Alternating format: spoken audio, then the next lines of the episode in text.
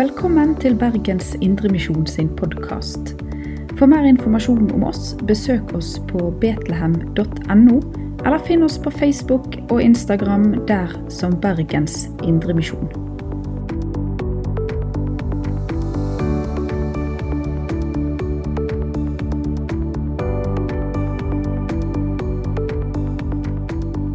God søndag, alle sammen. Takk for fin sang så langt. Og vi skal få lov å både lytte til og synge med på flere sanger etter hvert. Men nå skal vi stoppe opp litt ved Guds ord.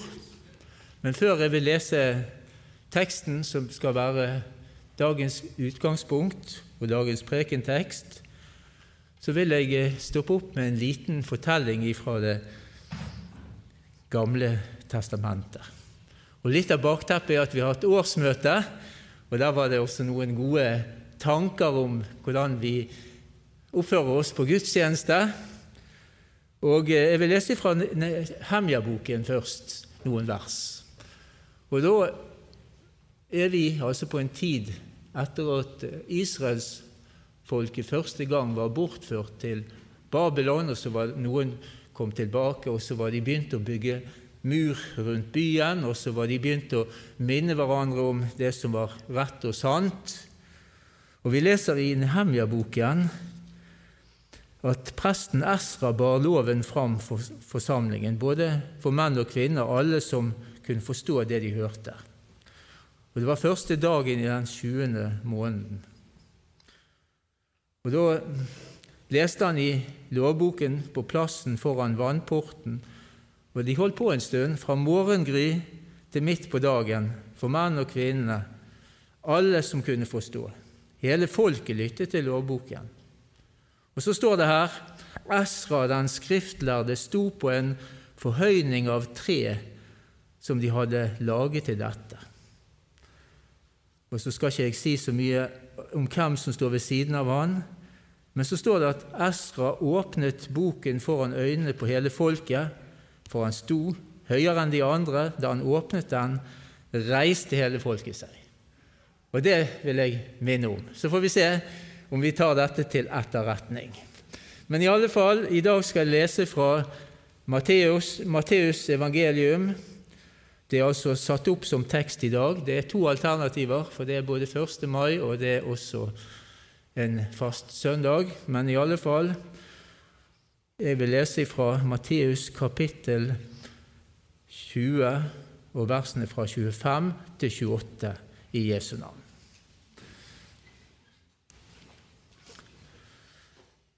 Men Jesus kalte dem til seg og sa:" Dere vet at folkenes fyrster undertrykker dem, og stormennene deres styrer med hard hånd. Men slik skal det ikke være blant dere. Den som vil bli stor blant dere, skal være tjeneren deres, og den som vil være først blant dere, skal være slaven deres. Slik er heller ikke Menneskesønnen kommet for å la seg tjene, men for selv å tjene og gi sitt liv som løsepenge for mange. Slik lyder Herrens ord.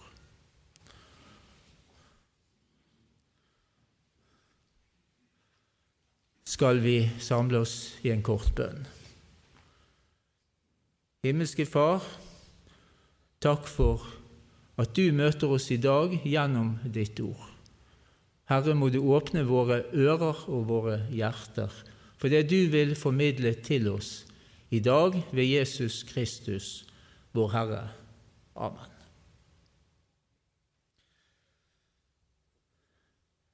Det var ikke så mange vers, tre vers, eller fire. 25, vers 25 til 28. Men det er også innholdsfylte ord. Men jeg vil si litt om tekstsammenhengen. Og jeg, litt, jeg var litt i stuss, for jeg syns det er nesten på grensen til å henge ut en mor og to sønner og minne om sammenhengen for disse Jesu ord, som er dagens prekentekst. For det vi leser like forut, er at Sebedeus-sønnene Jakob og Johannes, altså to av apostlene, kommer med sin mor, og bønnfaller Jesus om å sitte på hver sin side av, av han når han etablerer sitt rike. Men Jesus han må be de om å tenke seg om, for de vet ikke hva de ber han om. Og han sier om dette, om det å være si, tilkjent æresplasser, at plasseringen på dette, altså det bordsetet som Jesus en gang har invitert oss alle til i Guds evige rike, der er det Gud, Gud Fader som tar seg av dette. Og så underviser altså Jesus både disipler og oss om hvor annerledes Gud både styrer og, vurderer, og vurderer både stort og smått. Og Det er en annerledes maktutøvelse som kommer med Jesus. Jesus minner om at fyrster og stormenn på den tid styrte med våpen og med trussel om straff som maktmiddel. Og slik er det i stor grad fortsatt. Det verdslige regimet skal belønne og verne det som anses som godt, og straffe det som er galt. Men mange maktutøvere har sittet høyt hevet over folket sitt og gitt sine regler og bud, og de har misbrukt makten til egen vinning. Også i Guds menighet og kirke har det dessverre vært slik at ledere for egen vinning har utnyttet sin posisjon og gjort urett på ulike måter. Gjort Gud og mennesker urett. Men Jesus er annerledes, og med Jesus kommer den fullkomne til oss. Han kommer fra det høye og bøyer seg ned til det lave. Ja, slik er Jesus, og slik er egentlig Gud. Og vi leser i Jesaja 57, vers 15. Om Gud, i det høye og hellige bor jeg, og hos den som er knust og nedbøyd i ånden. Jeg vil gi ånden liv hos den som er bøyd ned, og gi hjertet liv hos den som er knust. Ja, Jesus er annerledes. Han er virkelig en som utøver sin makt på en helt grunnleggende annerledes måte enn mennesker både før og etter. Og Han sier altså i dagens prekentekst at menneskesønnen er kommet for å tjene. Og han sier at den som, være, som vil være stor, skal være tjener, og den som vil være først, skal være slave. Dette er på mange måter Jesu programerklæring, og han sier Menneskesønnen er ikke kommet for å la seg tjene, men for selv å tjene og gi sitt liv som en løsepenge for mange. Vi skal stoppe opp med særlig dette siste, som Jesus sier. Først menneskesønnen. Det er en betegnelse som ofte Jesus benytter om seg sjøl, og den har sin bakgrunn i Det gamle testamentet. I Daniel kapittel 7 hører vi om menneskesønnen, og der forbindes han med herredømme og maktutøvelse. Der står det at alle folk, nasjoner og tungemål skal tjene han. Men Jesu oppdrag på jorden er likevel annerledes, i den forstand at han skal tjene, og at denne tjenesten fullendes i og med at han gir sitt liv. I Filippabrevet kapittel 2 leser vi fra det vi gjerne kaller Kristushymnen, at hele Jesu liv blir betegnet ved nettopp dette ordet 'tjener'. Det er en karakteristikk av hele Jesu liv som menneske, ja, som en tjeneste. Og Vi leser der noen vers. Han var i Guds skikkelse og så det ikke som et rov å være Gud lik, men gav avkall på sitt eget, tok på seg tjenerskikkelse og ble mennesker lik. Da han sto fram som menneske, fornedret han seg selv og ble lydig til døden, ja, døden på korset. Derfor har, Gud, har også Gud opphøyd ham til det høyeste og gitt ham navnet over alle navn. Dette er altså Jesus. Men Jesu disipler skal altså ta forbilde av ham og på mange måter være stikk motsatt av det som preger verden. I Jesu etterfølgelse så bør ikke herredømme og makt være målet. For Gud og Jesus gir høyest ære til tjeneren. Denne sterke understrekningen av tjenesten som livets høyeste mål har altså sitt opphav i Jesu egen tjeneste, den som formidles oss gjennom hans liv og forkynnelse, hans død og oppstandelse. Og så inviterer han oss inn i sitt rike, men det er et annerledes rike. Guds rike, ja, det er på mange måter et rike som både er i verden, men som er annerledes. Ja, han kaller oss nærmest til det vi tidligere kalte bakvendtland. Det er ikke sikkert alle er kjent med det uttrykket, men vi skjønner det. Det er noe som er annerledes. Og Dette ser vi også i noe av Jesu egen undervisning, der han kommer med sånne motsetningsfulle, kraftfulle uttrykk som 'Jeg er ikke kommet for å oppheve, men oppfylle loven'. Jeg er ikke kommet for å kalle rettferdige, men syndere. Jeg er ikke kommet for å bringe fred, men strid for å sette skille. Jesus sto fram med myndighet, men det er altså en annerledes maktutøvelse. Det er ikke tvang, men det er altså en myndig tale som Jesus bringer i første omgang. Og så er det en tjeneste som overgår all annen tjeneste. Han er en tjener over alle. Han er tjeneren med stor T. Og han seirer ved å tape. Han døde for siden å oppstå til livet. Ja, egentlig kan vi si at Jesu tjeneste som menneske fullendes ved at han gir sitt liv på korset.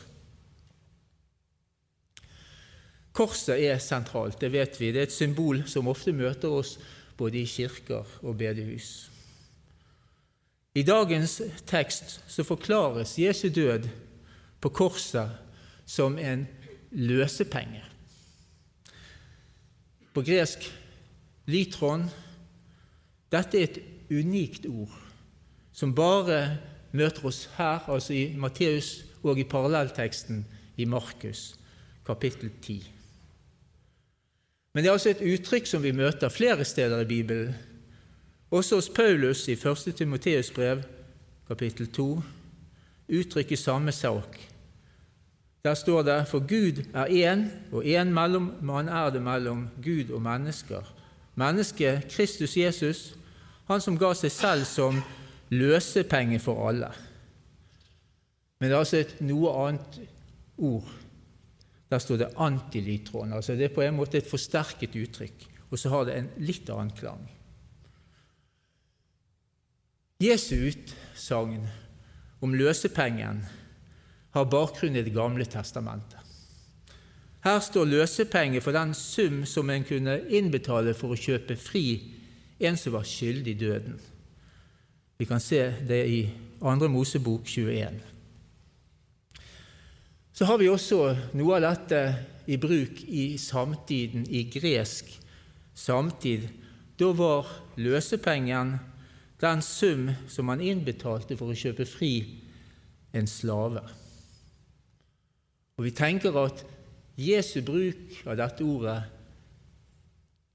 har på mange måter sin forståelse mest i Det gamle testamentet. Men hos Paulus så ser det ut som han tar med seg litt mer av denne samtidsforståelsen, altså at det er en slave, en slavebundet, som kjøpes fri.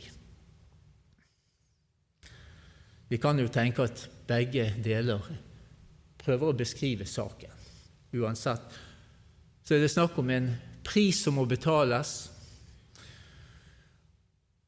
en løsepenge. Det er et annet sted jeg vil gjerne løfte fram i dag. og Det finner vi i Jobbs bok. Det er jo en urgammel historie. Men der står det noe interessant. Jobb var altså en rettferdig mann, står det, men han ble altså utsatt for stor lidelse, en uforståelig lidelse, både for han og for mange rundt han. Man prøvde å komme med mange slags forklaringer. Til slutt er det altså en som heter Elihu, som sier dette til Jobb. Og Han taler om Gud, og jeg tror Elihu han sier noe sant. Er nærmest noe sant til alle tider. Og Da er vi altså i Jobbs bok, kapittel 33, vers 23 og 24.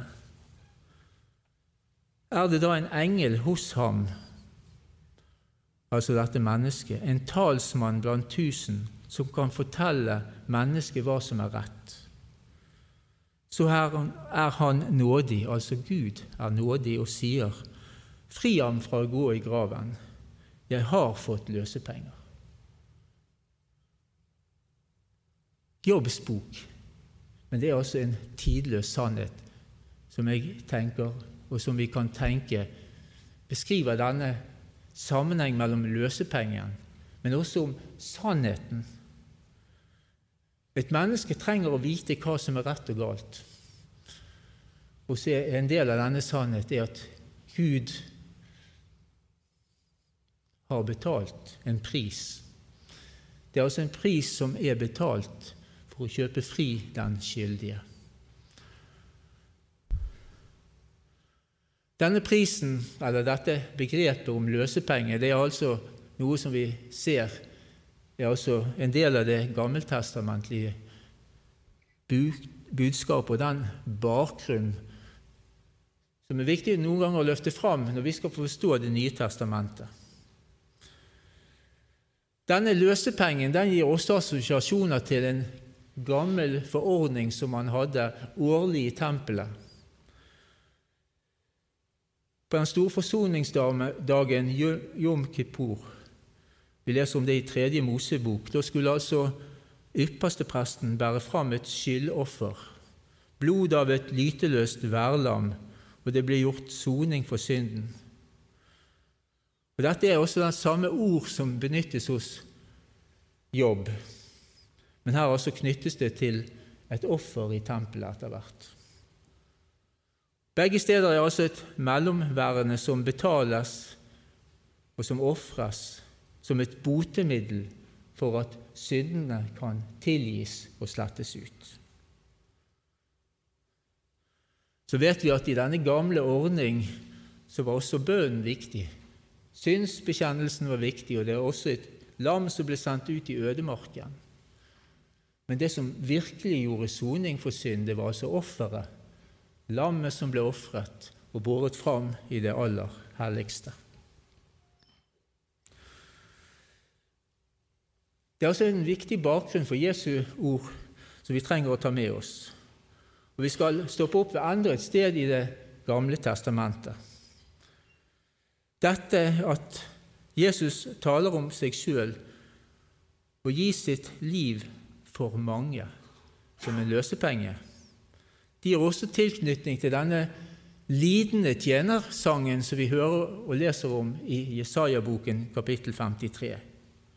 Og her er det altså slik at en Herrens, en Herrens lidende tjener skal gjøre de mange rettferdige, og at denne ene tok på seg de manges synd. Og så vet vi at straffen ble lagt på han, vi skulle ha fred.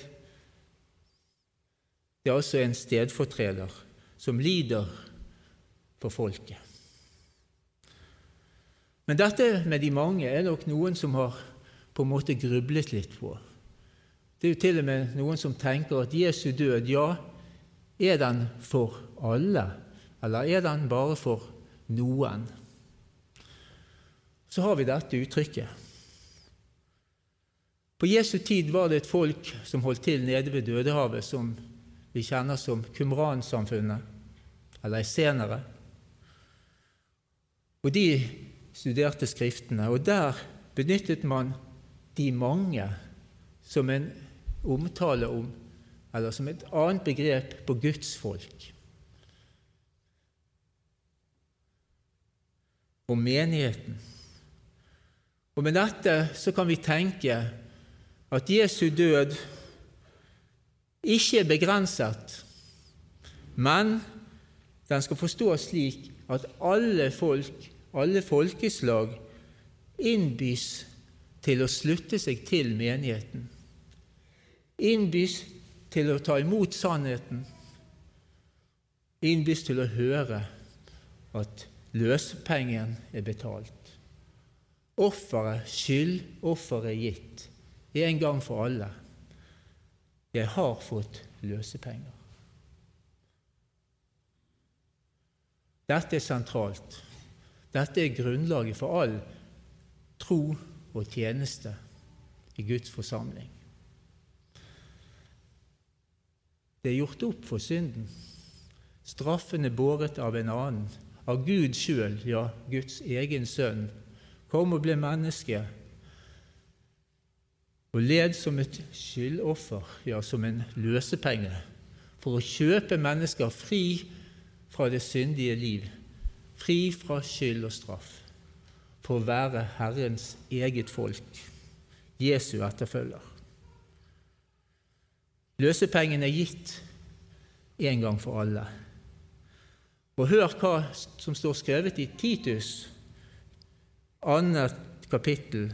Her står det for Guds nåde er blitt åpenbart til frelse for alle mennesker. Og så står det noe mer. Den oppdrar oss til å si nei til et ugudelig liv og verdslige lyster, og leve forstandig, rettskaffent og gudfryktig i den verden som nå er, mens vi venter på vårt salige håp, at vår store Gud og Frelser, Kristus Jesus, skal komme i herlighet. Og så står det igjen noe lignende. For Kristus ga seg selv for å løse oss ut. Ja, for å løse, kjøpe oss. Løse oss ut fra all urett og rense oss, så vi kan være Hans eget folk som med iver gjør gode gjerninger. Vi merker oss dette. Igjen, selv om det er formaninger til et rettskaffent og kristent liv som vi skal ta med. Grunnlaget er tydelig. Her sies det også at Jesus ga seg sjøl og løste oss ut fra et annet liv til et nytt liv vi er kalt til å leve i troen på Jesus. Vi skal altså med iver gjøre gode gjerninger men med Jesu frelsesverk som grunnlag, og som på mange måter frihet. Vi er løst ut. Vi er frie. Vi hører Herren til. Vi skal få leve et nytt liv med Hans selvoppofrende tjenergjerning som forbilde. Og Det står igjen skrevet at alt arbeid skal dere gjøre helhjertet for det er Herren og ikke mennesker dere tjener. Og dere vet at Herren skal gi dere sin arv som lønn. Tjen Herren Kristus. Det står i Kolossene 3. Så tenker jeg at vi skal få lov å se stort på både bleieskift og husvask. Vi skal se stort på fotvask og all annen pleie og omsorg, det som er smått, som kanskje folk helst ikke vil, eller kanskje helst vil at andre skal gjøre. Men vi skal altså se stort på den tjenesten, også det som skjer i det stille. Vi skal få tjene Herren frimodig i alt ærlig arbeide. Og så skal vi tale sannhet med hverandre. Tale sant om Gud, tale sant om det som er rett og godt å gjøre. Og så skal vi minne hverandre om at Gud ser stort på det som ofte blir foraktet og oversett av mennesker med et annet livsperspektiv enn det kristne. Helt til slutt, vi skal be Gud at Gud med sin ånd må få vise oss de ferdiglagte gjerninger som Han har lagt fram for oss, dag for dag.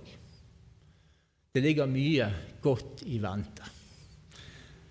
I tjeneste for Herren, ja, da vil vi aldri bli arbeidsledige. Herren har gått foran og vist vei, og han har lovet å gå med og gå sammen med sitt folk alltid. Tjen Herren med glede og lovpris Hans navn til ære for Faderen og Sønnen og Den hellige ånd, som bare er og være skal, en sann Gud fra evighet og til evighet. Amen. Du har lytta til Bergens Indremisjon sin podkast. For mer informasjon om oss, besøk oss på betlehem.no, eller finn oss på Facebook og Instagram der som Bergens Indremisjon.